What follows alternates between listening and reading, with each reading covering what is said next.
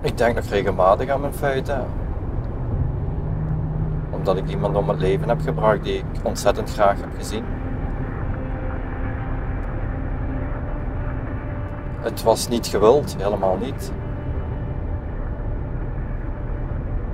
Alcohol in spel en dan heb je zelf niet meer in de hand en het is helemaal ja, uit de hand gelopen.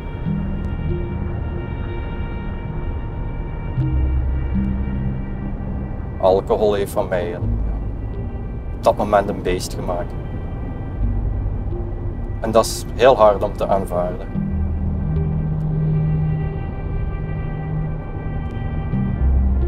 Je kunt het niet meer omkeren. En wetende wat je gedaan hebt, het is ook moeilijk om terug onder de mensen te komen. Want ik besef maar al te goed wat ik gedaan heb. Maar het doet heel veel pijn omdat ik, ik heb het niet gewild. En, en, maar het is wel gebeurd. Het is onomkeerbaar. Daar moet je mee leren leven. Dat hij het niet gewild heeft, dat kan hij niet genoeg herhalen. Maar toch gebeurde het. Toch pleegde Stefan een van de ergste misdaden die er zijn. Een dertiger was hij. Man van weinig woorden, blanco strafblad. Maar toen was er die dronken ruzie. En toen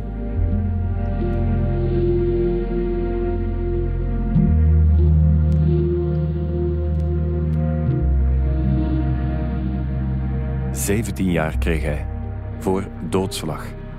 Vandaag is hij op weg naar de rechter die die straf uitsprak, Ariane Braccio. Het uh, betrof een levensdelict binnen een relationele sfeer. Het was, uh, het was doodslag op een partner. Uh, Stefan was een, een vrijgezel. Uh, die ook alleen woonde, die een vaste job had, die zeer graag gezien was bij zijn werkgever en zijn collega's en eigenlijk een heel normaal leven had zonder veel problemen, of geen problemen zelfs. En die op een bepaald ogenblik uh, een, een, dame tegenkomt die toch wel met nogal wat problemen worstelt, waarvan hij niet direct op de hoogte is. Onder andere een, een, een ernstige alcoholverslaving. Die leert Stefan kennen op, op café. Die gaat met hem mee naar huis en die gaat eigenlijk nooit meer weg. En, en dat escaleert daar vrijwel onmiddellijk. Vele ruzies, verschillende politionele tussenkomsten. Goed, en dan op een dag escaleert zo'n woordenwisseling en gebeuren de feiten.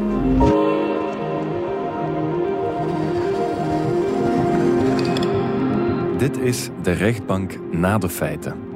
Een podcast die begint waar het verhaal meestal eindigt. Na de feiten, na de veroordeling, na de straf. Hoe gaan de dingen daarna verder? In dit gesprek hoor je Stefan. Ik hoop dat mevrouw de rechter mij bekijkt als een gewoon persoon.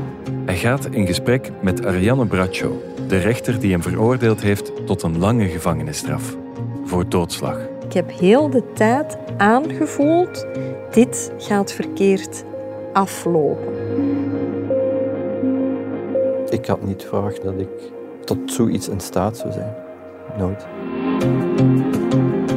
Na een veroordeling gaan rechter en veroordeelde elk hun eigen weg.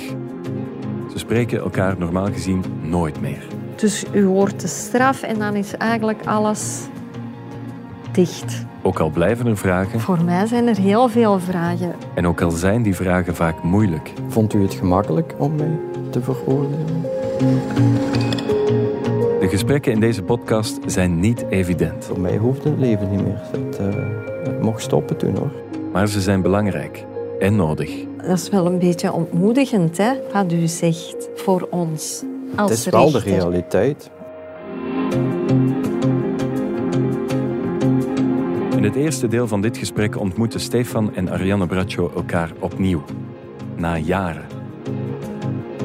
En vertellen ze waarom ze dat willen doen.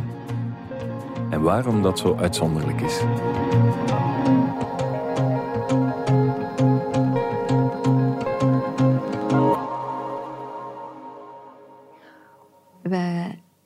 Spreken nooit nog met iemand die voor onze zetel is verschenen. Wij hebben geen idee, ik toch niet, hoe, in de aanloop naar een proces iemand dat ervaart, uh, hoe het proces zelf wordt ervaren, hoe dan uiteindelijk de straf wordt ervaren. Uh, wij hebben geen idee waar uiteindelijk de veroordeelde terechtkomt om zijn straf uit te zitten. Wij hebben geen idee hoe een dergelijke straf ingrijpt op de persoon en het leven van een veroordeelde. Wij weten niet hoe lang dat een veroordeelde uiteindelijk zijn straf zal uitzitten. Wij weten dat allemaal niet. Uh, dat vind ik belangrijk om een keer te horen, want wij spreken de straf uit en het is gedaan.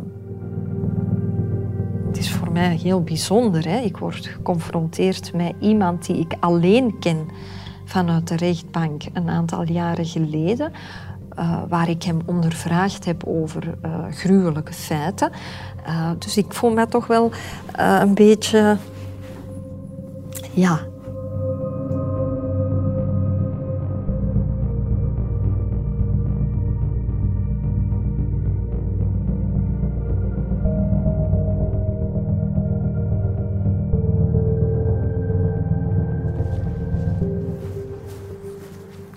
Goedemiddag. Goedemiddag, mevrouw. In een andere context. Heel juist. Een aantal jaren geleden, hè? Maar ik herken u toch nog. Ook. Zelfs met uw mondmasker. We hebben elkaar natuurlijk al eens ontmoet, hè? Ja. ja. Ik ben wel benieuwd waarom dat u bereid was om met mij te spreken. Ik vond het eigenlijk wel spannend en, en ik, ik was dus benieuwd zo van... Uh, waarom u mij eigenlijk uh, terug wilt zien. Oh, voor mij zijn er heel veel vragen die op u van toepassing zijn, maar die natuurlijk zouden van toepassing kunnen zijn op iedereen die in een gelijkaardige situatie zit of heeft gezeten. Hè. Uh, waarbij het gaat zowel over wat er voor een proces gebeurt, als tijdens een proces, als natuurlijk uiteindelijk de straf die, die, die, die je moet ondergaan. Hè. En die trouwens nu nog altijd niet ten einde is. Nee, nee, ik ben hem nog altijd aan, aan het ondergaan. Dus, want u staat nu onder toezicht van de strafuitvoeringsrechtbank. Ik heb enkelband. Ja, en moet u nog voorwaarden naleven? Uiteraard. En welke voorwaarden zijn dat? Uh, ja, sowieso tijdsgebonden. Dus ik heb maar bepaalde uren voor, voor mijn werk. Uh, een paar uurtjes voor ontspanning. En de weekenden ook een aantal uren. Ja. Dus uh, ik moet vast werk hebben, maar ja, dat moet ik al in de gevangenis hebben, want anders kom je dus niet buiten. Uh, dat wordt dus opgevolgd, dus dat ik ook mijn werk blijf doen. Uh, ja. ik, moet, ik moest woonst hebben, dus mijn begeleiding moet ik verder blijven zetten. Ja. Natuurlijk, ik heb ook regioverbod ja. gekregen, dus ik mag drie gemeentes niet binnenkomen.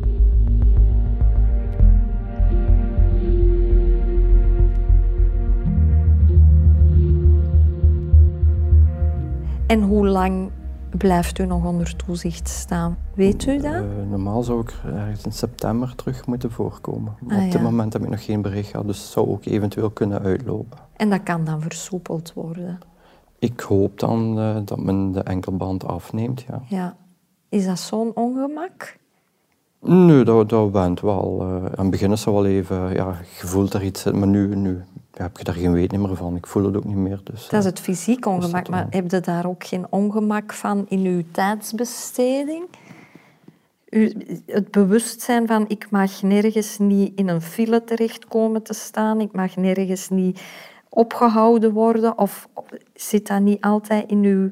In het begin is Bij alles wat dat je plant in uw achterhoofd? In, in het begin is het even wennen natuurlijk. Hè. Van dat uur tot dat uur ben ik vrij. Uh, maar nu zit dat er eigenlijk in.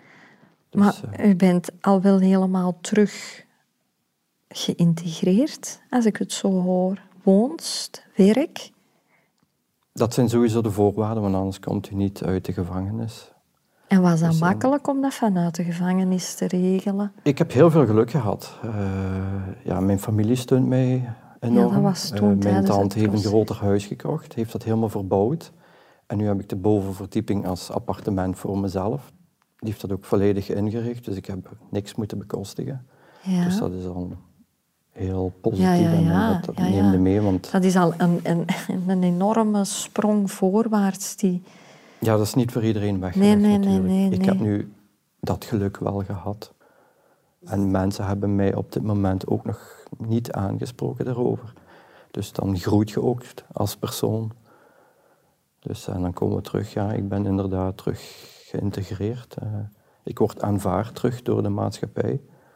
Terwijl ik dat Hebben ze het gevoel gehad dat dat nieuw, een tijd nieuw was? De angst was er. Ja.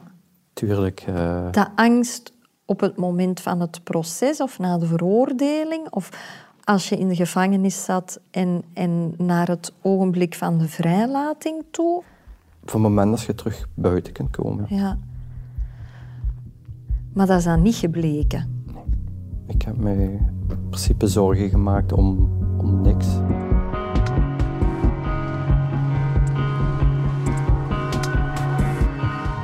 Een tijd geleden mocht Stefan de gevangenis verlaten. Na een derde van zijn straf en onder strenge voorwaarden. Maar hoe is het om zo'n lange straf te krijgen? Stefan besefte wat hem boven het hoofd hing toen hij voor de rechtbank verscheen. Maar hoe dat zou gaan, veroordeeld worden en hoe dat zou voelen, daar kon hij zich weinig bij voorstellen. En dat maakte hem angstig. Ik herinner mij u op het proces als een zeer timide... Maar nu vertelt u, heeft u al meer gezegd, denk ik, dan toen tijdens het proces. Als een zeer timide, terughoudende eh, man. Maar ik kan mij ook inbeelden op een proces dat je misschien zegt, kijk, ik laat het aan mijn advocaat over. Ik weet niet, was dat een bewuste keuze om, om niet te veel te zeggen? Of was er een angst om iets verkeerd te zeggen? Of, of was dat... Ja, ik had sowieso schrik. Absoluut. Ja? Ik wist niet wat ik me kon voorstellen. En absoluut ook schrik om iets verkeerd te zeggen. Ja. Ik was ook nog vol woede. Ja, Dus, eh, dus ik heb het dus ook aan mijn advocaat inderdaad overgelaten. Het is zijn vak. eh, hij weet wat hij moet zeggen. En, en, u, u kent het dossier. Oké, de drank maakte van mij soms een heel ander persoon. Die, ja, die ik niet graag ben. Nu kan ik dat zeggen. Toen had ik dat besef niet. Maar, ja, maar nu werd ik helemaal afgebroken en daar hield ik dus helemaal niet van. Want uiteindelijk was ik over eh, meer dan 30 jaar een graag gezien persoon. Altijd goed gewerkt, altijd mijn rekeningen zonder netjes betaald. problemen, ja. Ja. Alleen ja, die, dat ene moment, eh, Want met welke verwachtingen ga je naar zo'n proces? ik had heel veel angst. Angst van of voor? Ja, ik, ik- dat, is, dat, is, ja, dat is mijn persoonlijkheid. Als ik ergens naartoe ga waar ik niet weet wat er gaat gebeuren, en zo, dan ben ik zenuwachtig, angstig. eh. ja, samen hier, vandaag had ik ook zenuwen. Ja? Ja, wel hoor. Eh, eh, Heb ik u zoveel angst aangejaagd op de zitting dan? Nee, nee, natuurlijk niet. U kwam absoluut niet agressief of kwaad of noem. U bent een heel rustige vrouw. Als rechter was u ook. U zat heel rustig voor me. U hebt geen ene keer geschreeuwd naar mij. Dus eh, Nee, wat je soms wel eens op erg- tv ziet. Zo. Ah, ja. maar je weet natuurlijk niet wat, wat, wat je kunt verwachten. Maar, ja.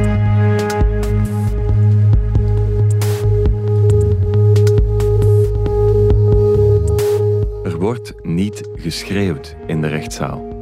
Maar wat er gebeurt maakt wel indruk op Stefan. Plots staat hij oog in oog met een rechter. Plots staat hij oog in oog met zijn dossier.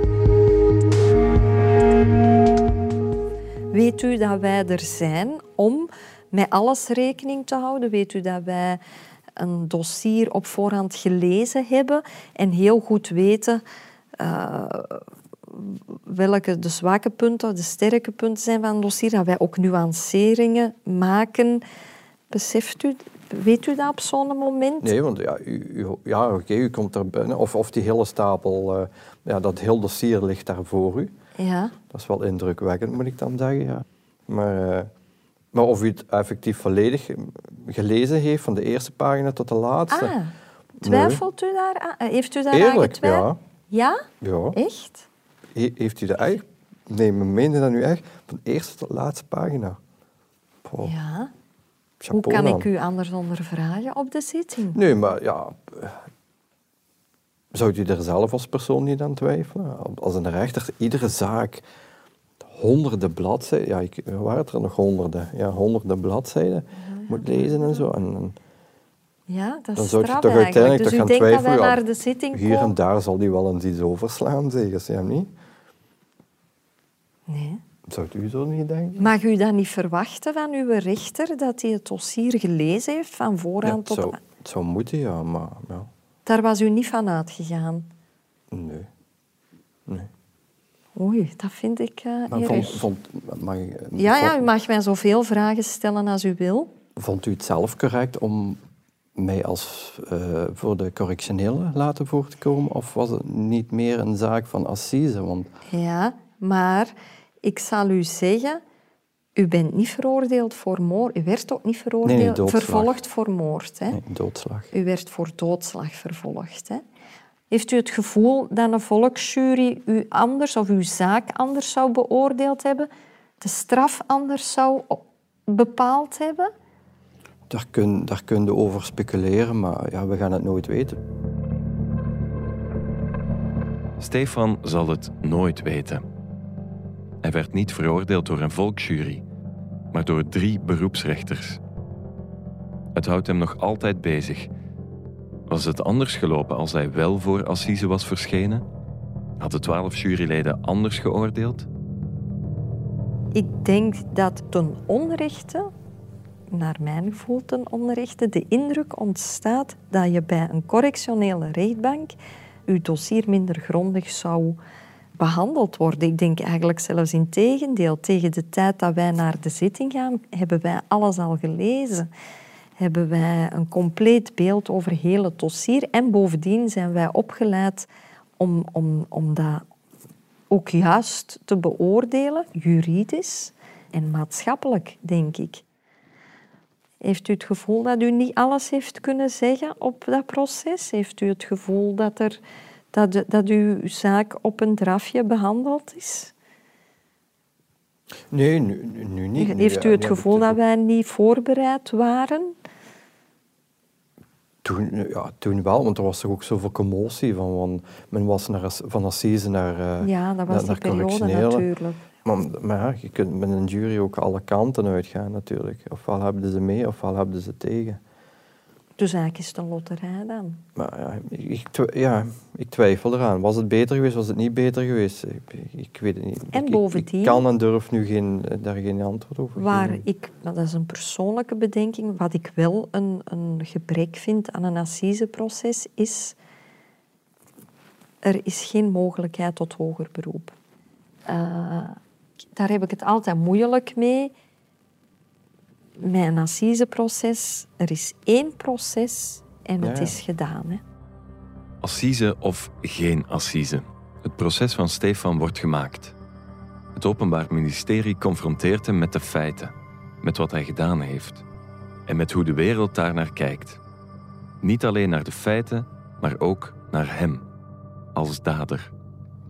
Vindt u als, als tijdens het proces het requisitoor van het, van het Openbaar Ministerie wordt gedaan, dat dat dan realistisch is? Is dat iets waar u naar luistert alsof dat het niet over u gaat, of waar u naar luistert en u zich kan in herkennen, ook over hoe dat het gegaan is? Ik vond het frustrerend, om- omdat mijn, er kwam geen enkel goed woord uit. Hè. Het was net of ik een slecht mens was. Of ik daarvoor niks goeds had gedaan. Ah ja. En daar was ik van verschrokken en, en daar was ik wel kwaad van, ja. ja. Dus dat heeft u dan toch erg aangegeven? Ook in de kranten, men heeft men afgeschilderd. eh, Ja, dat... Maar oké, ja, ja, ik begrijp wel wat, wat je gedaan hebt natuurlijk. eh, Dus je kunt het wel ergens plaatsen. Maar dat men nu zo moet afschilderen... En het kwam echt over alsof ik helemaal niks goeds gedaan Ja. had in mijn leven. En dat is wel hard om te slikken natuurlijk. Ja. Maar ja, ik heb, ik heb veel steun gehad. Dus eh, dat heeft me wel recht gehouden. Want eh, aan het begin... eh, u mag het gerust weten, voor mij hoeft het leven niet meer. Het, uh, het mocht stoppen toen hoor. Echt? Ja, absoluut. Ik heb ene keer tegen mijn psycholoog, was in het begin gezegd van, u mag me nu een revolver op de hoek van de tafel leggen, ik zal niet twijfelen. Geen perspectief? Ik zeg je, het schuldgevoel van wat ik gedaan heb. Schuldgevoel, ja. ja. Ik moet hier nu nog altijd iedere dag mee leven. Oké, we zijn het een plaats aan het geven, maar het is, het is en blijft pijnlijk. Houdt het u nog elke dag bezig? Niet alle dagen, dat, uh, dat niet. Maar als ik eens een wandeling maak, denk ik nog wel eens uh, terug aan wat er geweest is. En, en, ja, ja, ik blijf het mij natuurlijk ook verwijten. Hè. Is, dat is iets, het had niet mogen gebeuren. Ik heb het ook niet gewild. Hè. Maar ik had zoveel woede. En ja, dat is ook gebleken uit, uit verslag van de wetsdokter. Dus uh, dat ik met een, een, gigantische kracht die mesteken heb toe, toegebracht. Dus uh, ik was echt razend.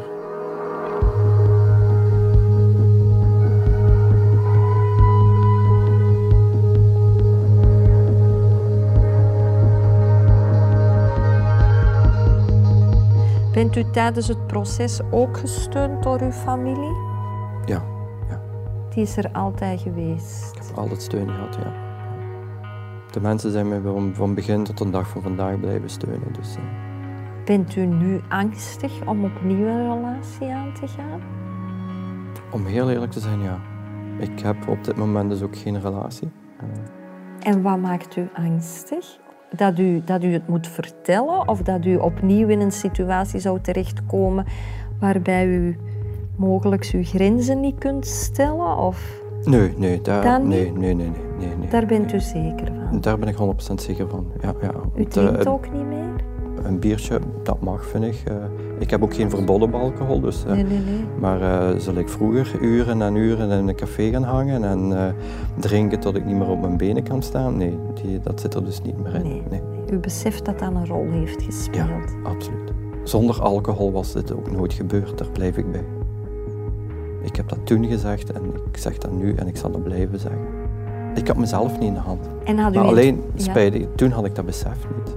En dat, ja. is, dat is raar eigenlijk om, om te omvatten naar de hand. Nu heb ik besef wel, nu, nu zie ik ook van, ah ja, toen was ik zo, toen was ik zo. Maar ja, ik ben er ook bij stil blijven staan. Ik heb mijn leven een aantal keren terug uh, voor ogen genomen, terug herbeleefd. Om fouten uit te halen natuurlijk. Hè. En vindt u dat moeilijk om, om niet meer zo...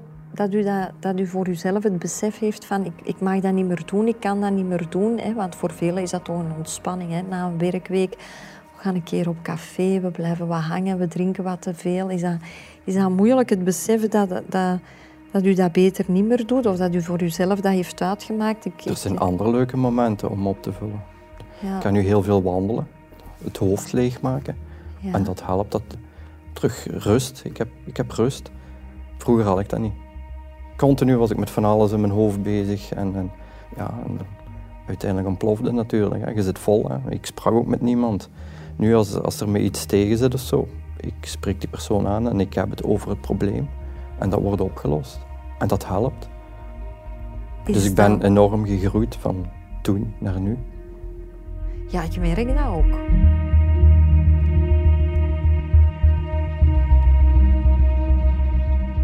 Dit was deel 1 van het gesprek tussen Stefan en Ariane Braccio. In het volgende deel hoor je dit. De straf wordt uitgesproken, Ja. hè, veroordeeld tot 17 jaar. Ja, wat gaat er dan door u heen op die moment? Op dat moment wat ik zei, een, een waas van, ja, dat is lang. Hè. Ja. Dus u hoort de straf en dan is eigenlijk alles dicht. Ja, dat ging een soort waas. Zo. Ik hoorde op dat moment niks meer. En, en, en ja, ik zat echt 17 jaar, 17 jaar in de, in de gevangenis. Uh, hoe, ga, hoe ga ik daar doorkomen? Zo zeiden eigenlijk al wat bezig dan op dat moment. Want ja, het, is moeilijk geweest voor mij ook. En, en zeker de aanvaarding van wat ik gedaan heb. De straf op zich, uh, dat boeide mij eigenlijk zo niet. Maar hetgeen wat ik gedaan heb, die aanvaarding, die is veel harder hoor. Als je de volgende delen van dit gesprek al wil beluisteren, dan kan dat meteen. Je vindt ze op Spotify, Apple of Google Podcast of op de website van GoPlay en het Nieuwsblad. De rechtbank na de feiten is een podcast van Woestijnvis en uitgesproken voor GoPlay en het Nieuwsblad. Deze podcast werd gemaakt door Jockelien van den Broeke, Wouter van Driessen en Laure Balkaan. De opnames gebeurden door Juri Verspecht. De inleesstem was van mezelf, Joris Brijs. Muziek, sounddesign, eindmontage en mix zijn van Jordan Hudson. Grote dank ook aan Hazel Plezier, Anne Dieudonné, Karel Dirks en Annick Sterks. In deze podcast kwam zelfdoding ter sprake. Heb je nood aan een gesprek? Dan kan je terecht op de zelfmoordlijn via het gratis nummer 1813 of op www.zelfmoord1813.be.